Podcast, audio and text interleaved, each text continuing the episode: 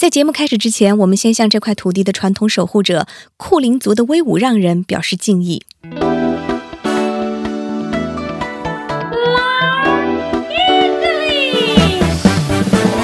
听众朋友，大家好，您正在收听由 SBS 学英语为您倾情打造的真人秀双语英语学习类谈话节目《英文难不难》。我是你们的老朋友 Dory，我是 SBS Learn English 的内容制作人，也是《英文难不难》的节目主持人。更重要的一点，我还是一名有着十年学龄的英语学习者。我认为啊，在英语学习的道路上，虽然每个人的遭遇都是 so different，但遇到的问题却是 same same。来，让我们请出我们可爱的 Vanessa，听听她的故事。虽然你已经听过很多遍了，再听一遍吧。Hello，大家好，我是 Vanessa，我是从一年前从中国来到澳大利亚，我是拖家带口来的。哇哦，确实很难，最难的就是学英语。但是还好，我有 Dory 和我们的老师们，所以继续跟着我一起学英语吧。学英语是一件非常有趣的事情，更重要的就是听过了我们的节目之后，你也许会发现英文一点都不难哦，因为我们是英文难不难。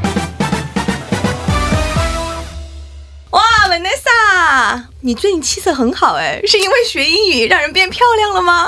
有这个原因吧？嗯嗯，但是我最近呢，因为学英语，我又 又出现了问题。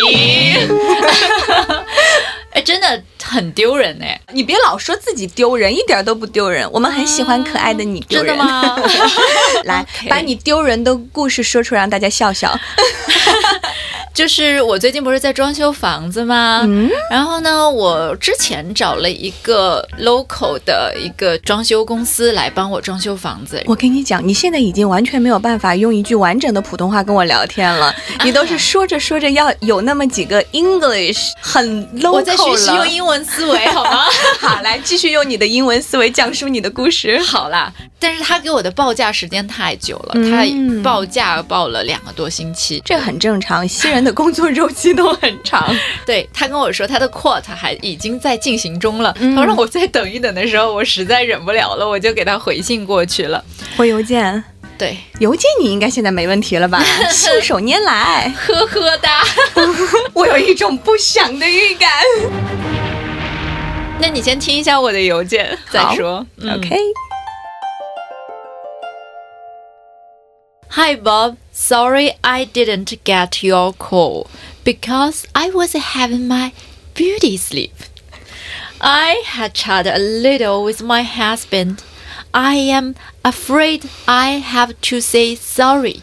We are very hurried to move, so I think I can't wait longer.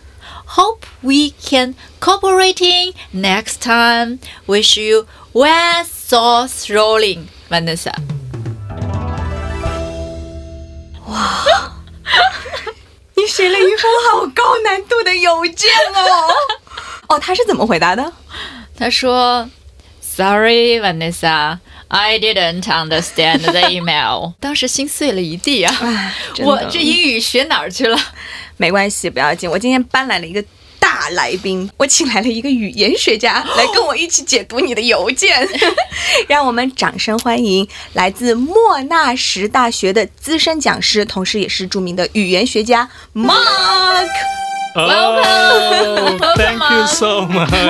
Hi, Dory. Hi, Vanessa. Hi, Mark. It's so good to see both of you. 非常高兴见到你们两位。我叫 Mark，这是我的英文名。我是在莫纳什大学的 Linguistics and English Language 的这个 program，、oh. 语言学和英语的这个专业啊，或者是这个 program 做 senior lecturer。嗯，那我在这个大学已经工作了差不多啊十二年了吧。我从二零一一年。 过来的，嗯，我知道 Mark 在你的学术研究当中有很大一部分领域或者是研究的对象，还有你的学术著作、研究著作都是跟中国人学英语的这个经历是息息相关的，对不对？对的，对的，对的，因为我以前就是在中国的时候就学英语呢，英语专业，后来研究生毕业之后就在大学当老师了当英语老师，所以我有很多就是学英语的一些经历这样子的。嗯后来也有一些教英语的经历。那我对中国英语感兴趣的话呢，就是因为我二零零零年从北京到了澳大利亚，然后我就发现好多人说不同的英语啊。你看我们这不就有一个吗？哎，第一个 question 啊，冒昧的问一句，嗯您刚刚也有听我们 Vanessa 念他的邮件，耶、您觉得他这写的是 English、Chinese or Chinese English？OK, very good. 首先，我觉得没有一个单词是中文。我们一起来解读一下。第一个呃 Hi Bob，这个不是中文，绝对是英语，对不对？耶，而且很地道。Hi 很 Bob. Hi Bob，非常地道。Sorry, I didn't get your call，这个也很地道，对不对？对对，非常地道。他是给你打的电话，对吧？对，Because I was mm-hmm. having my beauty sleep. 这个有一点点中国英语的色彩 Beauty。sleep 是美容觉，美容觉。OK. 嗯哼 I had chat a little with my husband. 呃、稍微谈了一下。哦、c h a little. Yeah. 对，OK. I'm afraid I have to say sorry. 哎，这个很地道哎。对，这个很地道，而且这个已经就从我们中国人的角度来说，就很委婉的拒绝很你委婉了，对。但是我发现这种委婉，有些时候西人不一定能懂懂。对，你觉得你 sorry sorry 什么呢？可能是因为你在睡 sleep beauty sleep，啊没有没有接到电话，对都有可能。根据这上上下文，对对，好，嗯下一句来了啊。嗯 We are very hurried to move 。我着急搬。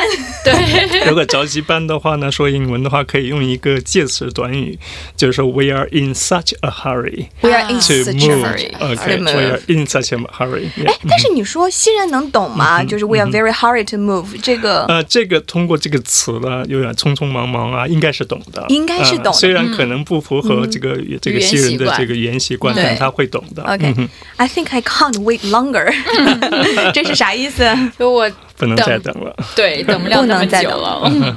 这句就很中式英语了。有一点点，有一点点对。嗯，嗯。Hope we can cooperate in it。啊，希望我们下次合作。啊，希望我们下次合作，就是就就中国的语言习正规语言习惯，这个对对对对对。是还是可以懂的，因为有 cooperate 这个词。好难点来了。Wish you wealth source rolling，这是什么意思呀？Wealth 翻译成中文。财富，source 源头源头 rolling，财源滚滚，怎么样？你太有才了你太有才了！哎，你怎么想到这个的呀？就翻译过来呀。啊，直译过来我。只给他一点，就是我们中国的文化。Wealth source rolling，哇哦，哇，这个很高深哎，你太棒了，亲爱的。所以人家没有听懂。我觉得这个里边有一点点中国英语了，因为是财源滚滚，财源直滚滚接翻译过来的。直接翻译这个步骤在语言学习过程当中，它扮演的角色到底是什么？为什么我们都会从直接翻译开始？啊，这个问题问得非常好。这个直接翻译的话是一个很自然的一个步骤。我们中国人嘛，学英语肯定会把中国的思维用英语来体现出来，这样子的。嗯比如说像这封信，为什么这个 Bob 一开始说不懂呢？除了就是说这个直接翻译过来哈，其实的话你要看通篇这个电邮，还有一个语篇的问题。这个语篇的问题是什么呢？可能我们都跟外国人打交道，比如说都知道的，他们会很直接，就一开始第一句话就说我想要什么，哦，他不，会说有那种 face work，所谓 face work 就是面子话，他不会说的哦，你知道吗 face work 这是个这是这也是 Chinese English English，这个是 Chinese English，但是有西方学者提出来这个中国式英语的 face work，就是说像 Vanessa 一开始就 Sorry I didn't get your call because I was having a beauty sleep，实际上你没有把。就是你最想表达给他的东西直接说出来、i didn't want your quote any longer because I couldn't wait。yes，所以你第一句话就要这样说的话，他就能够 get 你的 point。这是我觉得这还是跟文化背景有思维关系。方式对，从中文的思维方式来解读的话，我觉得开门见山、嗯就直接去拒绝人家是一件 很不礼貌的事情。Vanessa，你为什么会觉得就是当被别人说你说的是 Chinglish 或者是 Chinese English，你会觉得丢脸？对，就觉得你的英语是不标准的。然后呢，因为 Chinese English 它很多时候没有被我们的意识里认为那是真正的英语。我害怕从我的意识里把中文直译成英文，嗯别人听到觉得你这个英文不地道，你那不叫英文。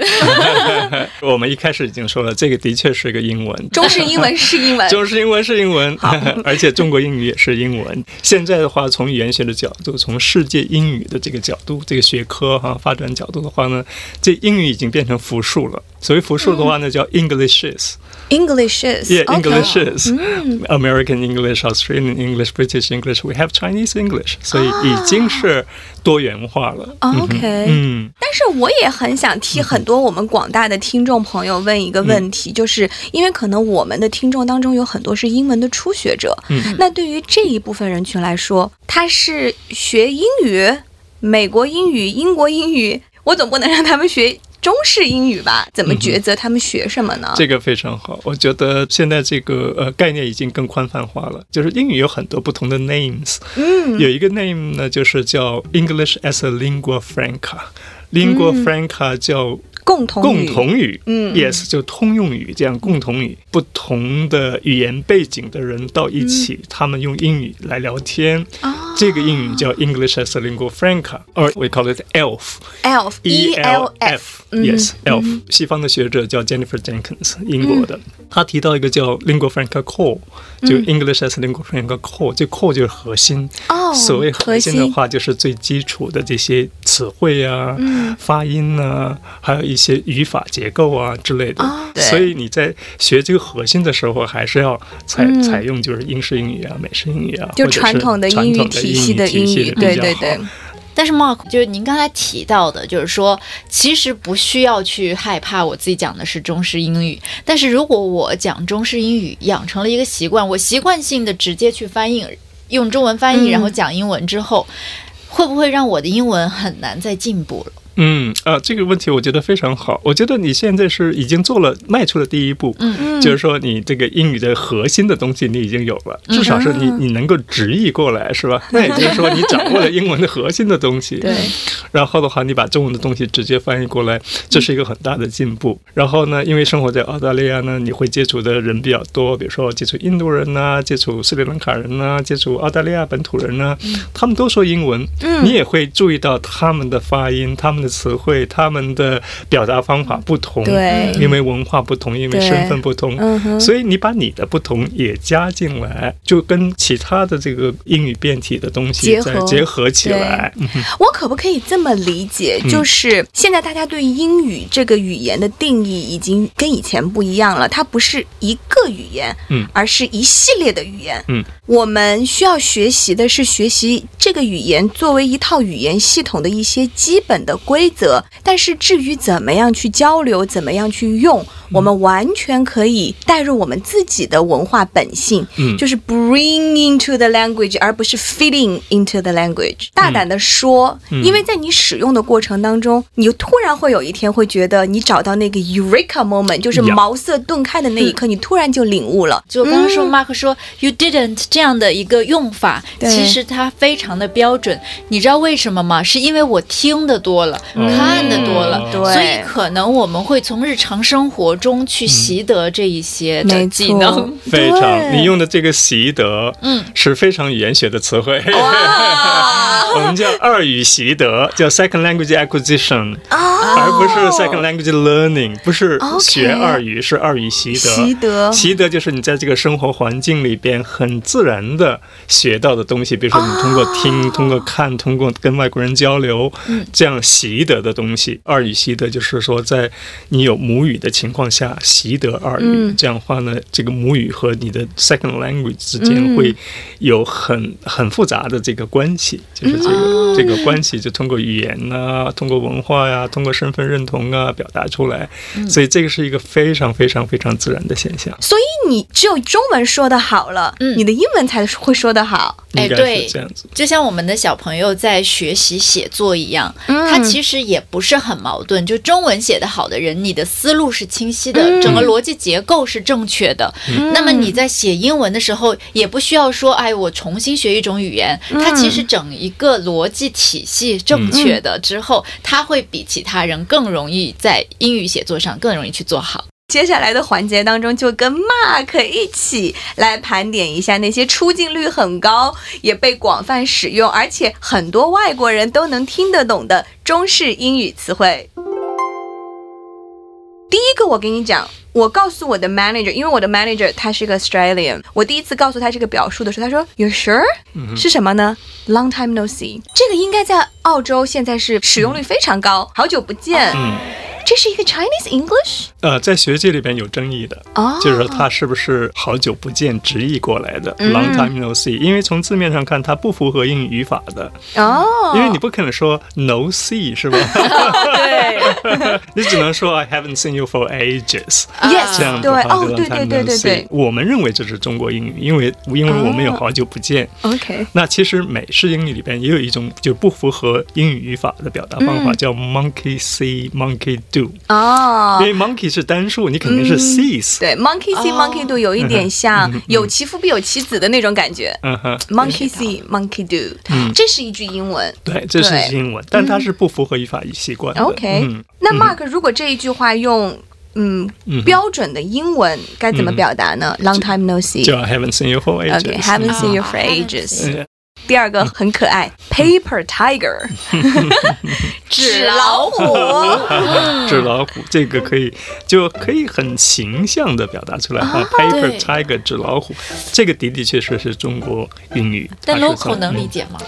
Local 可以不理解，但是我们可以给他解释。哦，学到了。你可以跟他说这个 paper tiger，它有一个 history，比如说在五十年代，Chinese chairman Mao senior leader used this expression and it was so widely used, so even Western media started quoting this，就是西方媒体也开始就是引用这个 paper tiger 了。OK，嗯那用一个英文的语法词汇或者是表达，该怎么表述这个纸老 虎？ okay, paper tiger means people or countries or organizations that appear very strong, very fierce, you know, very brave like tigers, Okay. but they are paper tigers, so they are very weak inside. Inside. Yeah, Oh. fragile inside. OK，哦，fragile，fragile fragile inside， inside，对 yeah，哎，我觉得 Chinglish 其实还是很方便帮助我们表达的。你看，刚刚 Mark 要说那么长一段话，我们只要用一个一个词就能表达了。tiger，对对。但是你可能要花三分钟去